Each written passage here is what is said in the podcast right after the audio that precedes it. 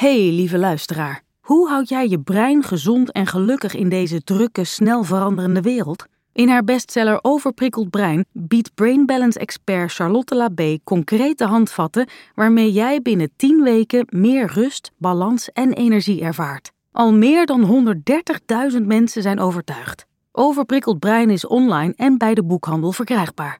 En dan gaan we nu door naar de podcast. Millions of people have lost weight with personalized plans from Noom, like Evan, who can't stand salads and still lost 50 pounds. Salads, generally, for most people, are the easy button, right? For me, that wasn't an option. I never really was a salad guy. That's just not who I am. But Noom worked for me. Get your personalized plan today at Noom.com. Real Noom user compensated to provide their story. In four weeks, the typical Noom user can expect to lose one to two pounds per week. Individual results may vary. Hiring for your small business? If you're not looking for professionals on LinkedIn, you're looking in the wrong place. That's like looking for your car keys in a fish tank. LinkedIn helps you hire professionals you can't find anywhere else, even those who aren't actively searching for a new job but might be open to the perfect role. In a given month, over 70% of LinkedIn users don't even visit other leading job sites. So start looking in the right place. With LinkedIn, you can hire professionals like a professional. Post your free job on linkedin.com slash people today. Dit is uh, een, een duidelijk geval van spiritual bypass. Veel mensen die beginnen met spiritualiteit, beginnen met het lezen van boeken. En heel vaak blijft het dan daarbij, want dan denken ze: oh, nu snap ik het. Dus je gaat om de pijn heen, waardoor je dat ego krijgt dat gaat zeggen: oh, jij bent er nog niet, ik wel. Oh, dat. ja. Jij, jij bent niet zo evolved als ik. Welkom bij Lieve Marianne. Een podcast waarin ik brieven beantwoord over het leven en de liefde. Jullie brieven over grote en kleine problemen. Ik ben therapeut en schrijver Marianne Mudder. En ik ben Rachel van der Pol, jouw sidekick. Speciaal omdat het werkboek van Wat ik eerder had willen weten is uitgekomen, zijn wij nog een keer samengekomen om drie brieven te beantwoorden. Naast advies geeft Marianne bij iedere brief ook een praktische oefening uit het werkboek mee. Toch? Ja, ja, nee, want snappen wat er met je aan de hand is, is hartstikke belangrijk. Maar voor een lichter en fijner leven zul je echt wat moeten doen. Met deze podcast en het werkboek hopen we je een eindje op weg te helpen. Vandaag behandelen we de brief van de 36-jarige Nina, die klaar is met het spirituele gezever van haar vriendin. Rachel leest de brief voor. Lieve Marianne, ik leg graag mijn uitdaging aan je voor en wil graag advies. Mijn vriendin Clara was vroeger lief, leuk, hartelijk en we konden ontzettend met elkaar lachen. Ook om onze tekortkomingen konden we smakelijk lachen. We moedigden elkaar aan om dingen te verbeteren zonder er druk op te leggen. Totdat ze hele bibliotheken leeg ging lezen met spirituele boeken. Bij alles wat ik daarna deed, had ze wel een opmerking uit een of ander boek. Een voorbeeld. Ik had last van mijn rechterknie na te intensief hardlopen. Voor mij was het duidelijk waar het vandaan kwam. Maar volgens haar kwam het doordat mijn yin-yang balans niet in orde was en mijn rechterknie stond voor de problemen met mijn vader die ik maar niet onder ogen wil zien. En zo gaat het maar door. Mijn huis zit in feng shui disbalans en daarom heb ik soms hoofdpijn. Dat ik even minder werk heb als ZZP'er komt omdat ik onvoldoende manifesteer. Toen ik laatst op een gezellig terrasje een klontje suiker in mijn koffie liet glijden, siste ze: Suiker, het witte vergif. Kortom, we kunnen geen gewoon gesprek meer voeren. Want na elke zin komt er weer een zin uit een van haar spirituele boeken. Die ze dus als de volle waarheid aanneemt en uitspreekt als ware zij zelf de bedenker. Ondertussen loopt haar eigen leven niet op rolletjes. Maar dat ligt dan weer aan de stand van de maan, of omdat haar yoga-docent op vakantie is. Natuurlijk heb ik er met haar over gesproken en aangegeven dat ik de oude Clara mis en dat ik die zo graag weer eens zou willen spreken in plaats van alle spirituele leiders. Ze kijkt me dan misprijzend aan en wenst me toe dat ook ik de wereld ga begrijpen zoals die echt is. Lieve Marianne, wat denk jij? Is dit een fase of kan ik beter afscheid nemen van mijn vriendin? Lies Nina. ik, ik merk gewoon tijdens het lezen van deze brief dat ik al gewoon. Oh, ja. zo erger Ja. aan die vriendin. Maar ja, goed, ik weet ook wel dat eh, ja, met, met oordelen en, eh, en, en spuien over spiritualiteit voor de BNB voor liefdekijkers. komen we ook niet verder. Eh, ik, ik ga even naar jou toe. Marian, wat, wat denk je dat hier aan de hand is? Ja, nou ja, dit is eh, een, een duidelijk geval van spiritual bypass, zoals het genoemd wordt. En, eh, en dat begint onder de hand een, eh, een, een maatschappelijk probleem te worden. Nou, wat is een spiritual bypass? Veel mensen die beginnen met spiritualiteit, beginnen met het lezen van boeken. En heel vaak blijft het dan daarbij, want dan denken ze, oh, nu snap ik het. Eh, ze nemen nieuwe informatie tot zich, meten zich een nieuw jargon aan en dan denken ze dat ze er zijn, omdat ze het zo goed snappen, maar alleen op cognitief niveau. Het blijft in het hoofd.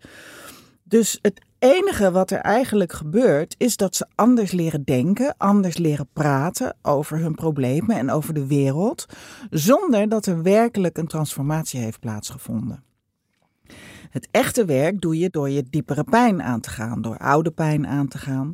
En dat, dat doet deze vriendin zo te lezen niet. Vandaar de term spiritual bypass. Dus je probeert Een soort Eh, shortcut nemen. een soort shor- shortcut naar verlichting te nemen. Ja, En dat werkt niet. En dat zie je heel veel. Dat, ik, zie, het, heb het, zie het ook om me heen. Het is ongelooflijk eh, er- ergerlijk. Ehm, er is eh, John Wellwood, die kwam met deze term. En eh, het is de tendens om spirituele ideeën te gebruiken om onverwerkte emotionele pijn en psychische verwondingen uit de weg te gaan. Met andere woorden, ze weten dat ze van alles los moeten laten en moeten verwerken, maar doen het niet. Dus je gaat om de pijn heen, waardoor je dat ego krijgt dat gaat zeggen: oh, Jij bent er nog niet, ik wel. oh dat. Ja, Ja. Jij bent niet zo evolved als ik. Ja, nou, dat, dat, dat, dat zinnetje, jij bent nog niet zo evolved als ik. ik. Ja, ik weet niet of je BNB voor Liefde hebt gezien. Ik heb een klein beetje gekeken, ja. Ik sprong bijna op de bank van woede toen ik die Joy op zijn Mount Joy, nou dat zegt al wat Ja. over hoeveel ego je dan hebt, dat je Ja. een berg naar jezelf Ja. vernoemt. Ehm, maar goed, die, daar komen er natuurlijk hè, dames langs die, eh, nou, wie weet, eh, is dat de liefde van zijn leven. Dus dat gaat hij dan uitzoeken. En er is er een zo'n meisje, eigenlijk een best wel nuchter meisje, Zoe. Eh, en die voelt zich niet zo op de gemak. En hij gaat dan het gesprek met haar aan. Hij ziet ook wel dat ze zich niet helemaal senang voelt. In plaats van dat je dan zegt van... hé, hey, ik, ik zie dat je je... of ik heb het gevoel dat je je zo voelt. Hoe komt dat? Zegt hij. Ehm, ja, ik zie dat je niet zo op je gemak voelt. En ik denk dat dat komt omdat je spiritueel nog niet zo evolved bent als wij. Ja. Nou, Ja, dat mijn is- vriend zei ook... Jezus, wat, Ja, waar word je ja. zo boos? Nee, Maar de is compassie is, heel ver te zoeken in Het dit is soort, gemeen. gevallen. Ja, het is, het is, het is eh, heel vreselijk. En, en helaas eh, grijpt het om zich heen. En op, op Instagram eh wemelt het natuurlijk ook van dit soort spirituele ego's. Van mensen die, die allerlei eh, spirituele waarheden verkondigen zonder dat ze het doorleefd en doorvoeld hebben. En, want dan gebeurt er namelijk iets heel anders. Ik ik zeg niet dat ik er helemaal dat ik er ben, hè, maar ik heb wel, ik heb wel, ik heb wel het werk gedaan, zeg maar. Maar ik ben er nog lang niet. Nee, maar dat, dat wil ik eigenlijk nog daaraan toevoegen. Ik, ik denk, tenminste, ik ben ervan overtuigd dat als je door pijn heen gaat, dan weet je hoe heftig dat kan zijn. Ja. En dan laat je het wel om te oordelen over een ander, omdat je juist dan de empathie kan opbrengen Ja. voor hoe dat voor een ander voelt. En dan laat je het wel om te zeggen: Oh, maar ik hoop dat jij de wereld Ja, nee, precies. net zo gaat zien als ik. Ja, ja, Weet je wel, dat, je het gaat begrijpen. Ja. Want het is zo gemeen, want het, er zit zo'n spiritueel sausje omheen. Dus het, het is ook heel verwarrend. Want je denkt dan van, hé, maar wat gebeurt hier? En eh, je wilt je verdedigen, want je voelt je aangevallen. Ja. Nou ja, Dus iemand iemand plaatst zich boven jou. Dat is het, ja. En nou ja, alleen al het feit dat iemand dat doet, geeft al aan dat iemand nog veel werk te doen heeft. Ja. Want het gaat natuurlijk uiteindelijk over, over het ontwikkelen van compassie en nederigheid. En zeker niet dat je dat je, je beter voelt dan een ander. Ehm, kijk, het probleem met een, een spiritueel ego is, ehm, ik, ik schrijf er ook over in mijn boek, daar, ik hamer op, op, het, op het begrip ego. Uh, we hebben allemaal ego. En dat is ook heel goed. In heel veel gevallen hebben we allemaal nodig ook om ons door, door, door het leven te banen in deze samenleving. Maar wat belangrijk is, is dat je je ego leert kennen. En dat je leert uh, zien en voelen waardoor jouw ego gegenereerd wordt. Want heel veel ego komt voort uit pijn die niet gevoeld wil worden. Dus een spiritueel ego, dat zijn heel vaak hele gewonde mensen die een uitvlucht proberen te zoeken. En, die, en, krijg je eigenlijk een ego op een ander ego. Dus je krijgt een superego. Dan kan ik een boek over schrijven, want dat is uiteindelijk kan dat heel gevaarlijk zijn ook. En, en als je met spiritualiteit bezig houdt, dan is het laatste wat je wil, is een spiritueel ego. En vaak is het wel een fase. Ik denk dat ik zelf ook wel door die fase ben gegaan. Ja. Ik heb ook een tijdje zendelingengedrag gehad. En bedoel, dat. dat en je hebt nog wel vrienden? Of? Ik heb zeker nog vrienden, ja. Maar ik heb echt wel een vriendin die zo, ook soms iets had van hou nou eens op. En niet omdat ik, dat ik onaardig tegen haar was, maar, maar wel omdat ik, omdat ik haar dan heel graag, omdat ik dacht, ik, weet je wel, ik, als je, je moet dit gaan doen, want dat gaat je helpen. Ja. Daar ben ik nu mee gestopt, want ik heb nu mijn boeken en zo. Dus ik laat mijn vrienden nu met rust. Nou ja, maar dat is wel een, een fijn perspectief erop. Want hè, Nina ergert zich uh, bont en blauw. Ik merk het bij mezelf ook. En de neiging die je dan kan hebben is uh, dat je eigenlijk terug gaat oordelen. En daar word je ook niet blij van. Mhm. Dus uh, dan sluit je je hart ook. En denk je van ja, nu ga ik jou pakken. Weet je wel, Ja. dat wordt een soort argumentenstrijd. Terwijl als je gaat snappen waar de intentie vandaan komt van iemand. En ook snapt dat er pijn onder zit. Ja, dat, kan al in- heel erg helpen. Het kan, het Ja, kan heel kan ja, ja, ja. Ik bedoel, als je met dit soort mensen te maken hebt, bedoel, die leven nog steeds in hun hoofd, wat echt niet de bedoeling is. Spiritualiteit gaat echt over uit je hoofd en, en dat lichaam en hoofd één worden en dat het samenwerkt. Ehm, maar die mensen leven nog steeds in hun hoofd. Alleen er staan nu eh, klankschalen en er hangen windgongen in dat hoofd. En daardoor denken ze, oh, nu ben ik, eh, ik ben nu eh, beter dan jij, want ik, ik ben verder.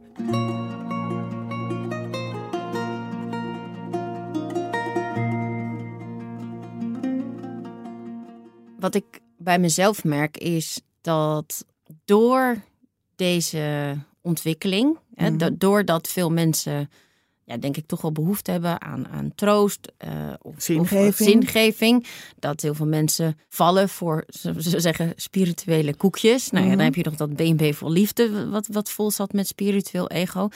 Ehm, dus dat, dat ik ook soms bijna de neiging heb om ja, ik wil niet zeggen dat ik me dan schaam voor spiritualiteit, maar dat je Mm. bijna niet mee wil associëren. Ja, ja, ja. Terwijl het wel degelijk iets heel zinvols is. Het, het is, op de, als je het op de juiste Ja. manier doet. Ik bedoel, ik, ik, ik, eh, ik heb ook al in, in toenemende mate moeite met het, eh, met het begrip spiritualiteit. Juist om deze reden.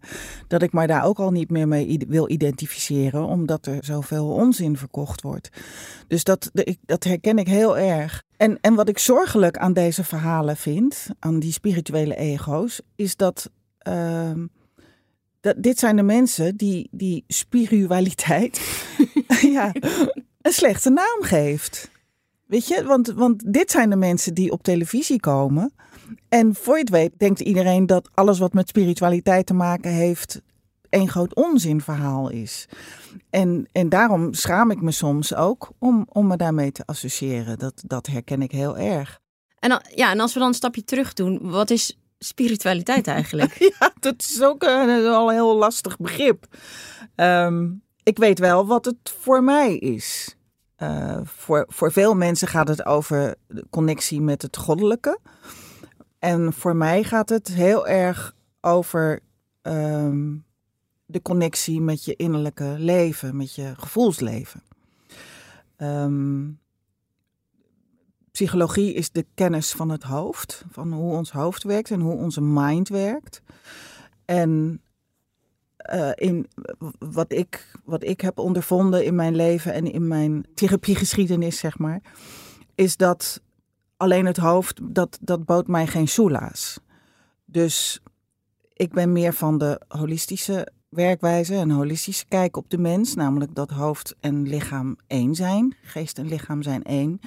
En dat betekent dat het gevoelsleven en het denken voortdurend op elkaar reageert. En het kan best heel lastig zijn om dat allemaal te snappen. Dus binnen de spiritualiteit, zeg maar, kunnen mensen heel snel verdwalen. En dan krijg je ook mensen die gaan zweven. Spirituele ego's die zweven, want die gaan niet aan wat er werkelijk aan de hand is. Die gaan ook over praten en, enzovoort. En, en dat is ook de reden waarom ik in mijn boek, wat ik eerder had willen weten, dat begint eigenlijk met psychologie. Dan hebben we het over neurologie en dan komen we meer bij de spiritualiteit aan. Ik heb de link willen leggen tussen die dingen. Omdat zonder psychologie, als je, als je met spiritualiteit bezig gaat houden, met alleen maar voelen en, uh, enzovoort, en je weet niets van psychologie, dan ga je heel snel zweven en dan verdwaal je. En alleen psychologie is wat mij betreft ook niet voldoende, omdat het dan alleen het hoofd blijft. Het is heel belangrijk dat mensen gaan voelen, want je voelt je gelukkig, je denkt je niet gelukkig. Dus dat, dat, lijf, dat lijf moet meedoen. Voelen doe je met je lijf. En ik denk dat mensen dat juist zo ongelooflijk moeilijk vinden. Dus Ja. dat als ik het dan. Eigenlijk vallen er voor mij nu ook wat dingen op de plek. Omdat we zo gewend zijn in ons hoofd te leven, kunnen we dus spiritualiteit ook alleen in ons hoofd. Daar zeg, je, Meenemen. daar zeg je iets heel waars. Ja, En Dat klopt. dat- en daarom blijft het hangen. omdat we alleen het- maar eigenlijk Ja. in ons hoofd. precies. Dus men, mensen maken een, maken een vertaalslag in hun hoofd, maar leven nog steeds in hun hoofd. Ja, Dat voelen is voor veel mensen ongelooflijk moeilijk. Dat merk ik ook in mijn praktijk. Mensen zijn zo gewend om te denken over wat ze voelen en om te analyseren en om te bedenken waardoor het komt dat ze zich zo voelen, dat ze eigenlijk niet weten wat ze voelen. Dat moet ik mensen echt leren. Voelen doe je met je lijf. Waar voel je het? Voel je spanning in je keel? Voel je spanning in je buik? En dan, dan, dan ga je pijn voelen of angst of, of spanning, verdriet. Dat vind je in je lijf, niet in je hoofd. Dus heel veel mensen zijn gedissocieerd. Die zijn afgesloten van hun gevoel. Dus het zijn wandelende hoofden. Als die mensen zich met spiritualiteit bezig gaan houden, nou ja, dan krijg je zo'n spiritueel ego. nou ja, en jij, jij ehm, liet me laatst een plaatje zien. Wat was het nou in de supermarkt?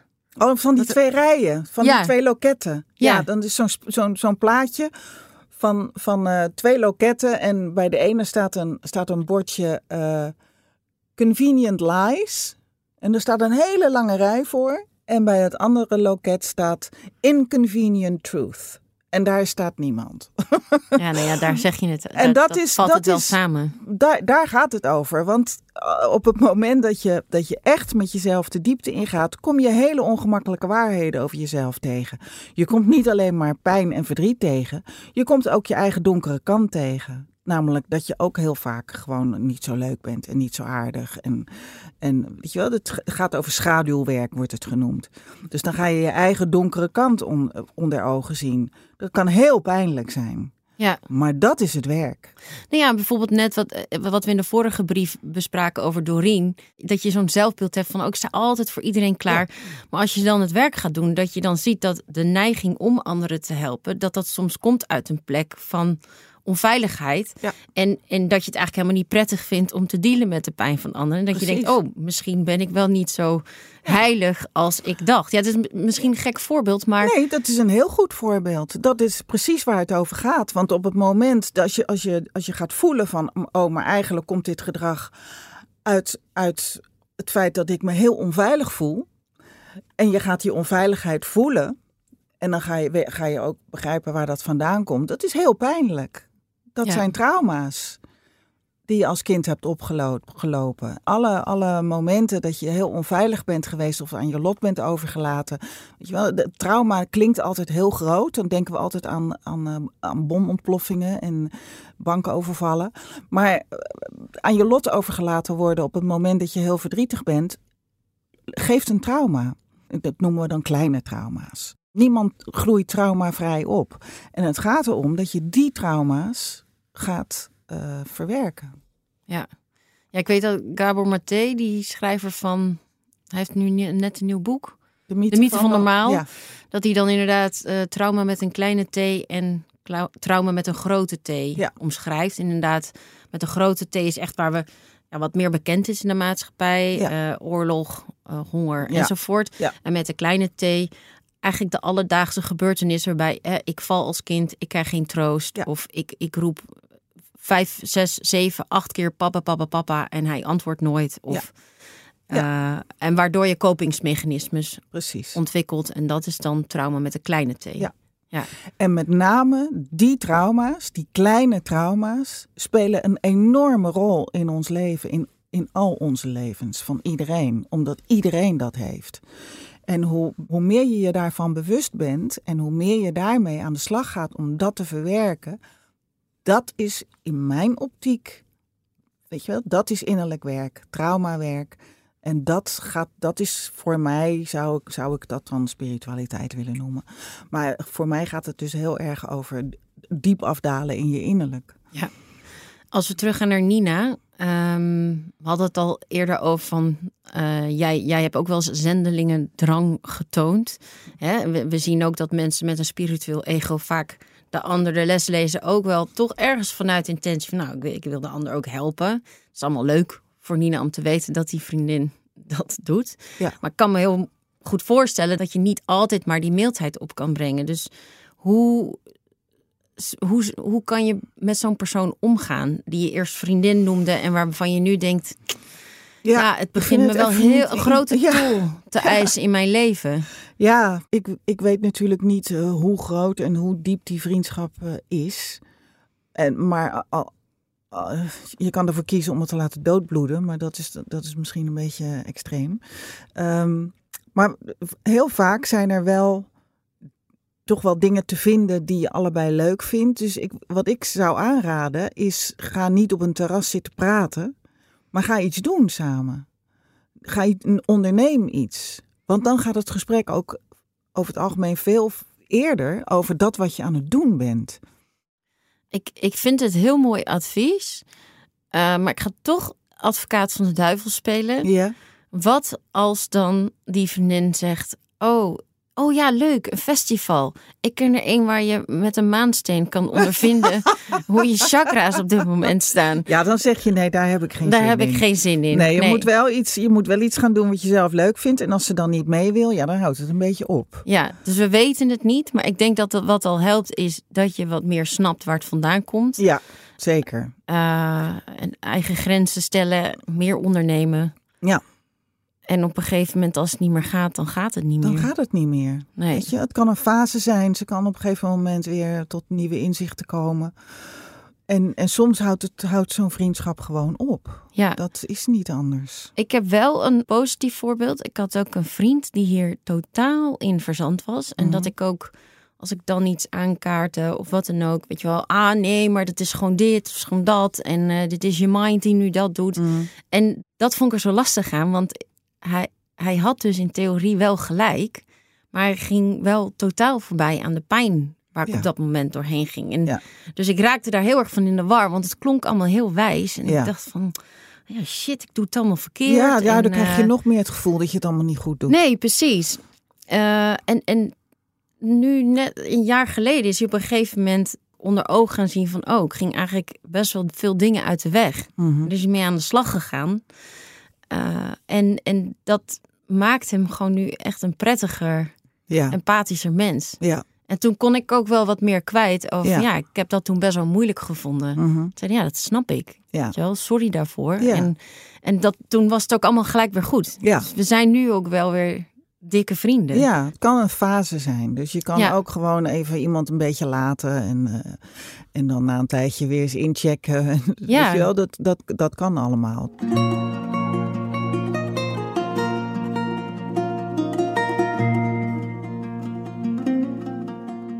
Heb wel een oefening eigenlijk. Als zij, als, als zij met die vriendin afspreekt, is eigenlijk de belangrijkste oefening dat zij heel erg in het hier en nu blijft. Want op het moment dat zij in haar eigen hoofd gaat zitten, dan gaat ze oordelen, gaat ze er van alles van vinden. Nina, ze- heb je het over? Ja, ja, ja.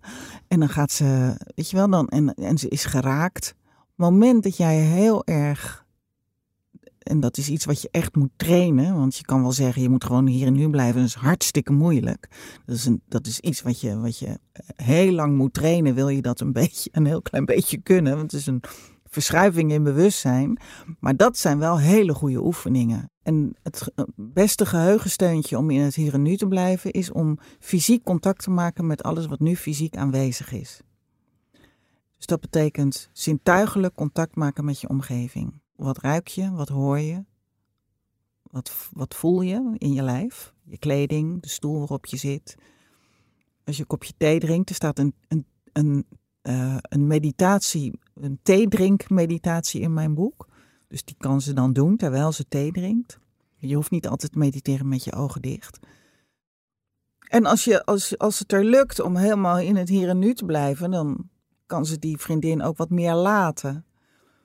En dan wordt op een gegeven moment ook vanzelf duidelijk of ze die wil blijven zien, ja of nee. Je luisterde naar Lieve Marian, een podcast van VBK Audiolab en Ambo Antos Uitgevers. In mijn podcast heb ik het onder meer gehad over spiritueel ego. Wil je daar meer over weten? Ga dan aan de slag met Wat ik eerder had willen weten, het werkboek. Of ga naar mijn website marianmudder.nl. Redactie van deze podcast is in handen van Rachel van der Pol en ik, Marian Mudder. Coördinatie Hedy de Vree. Opname en sounddesign is gedaan door Tinium Audioboekproducties. Muziek BMG Production Music. Bedankt voor het luisteren en hopelijk tot de volgende aflevering.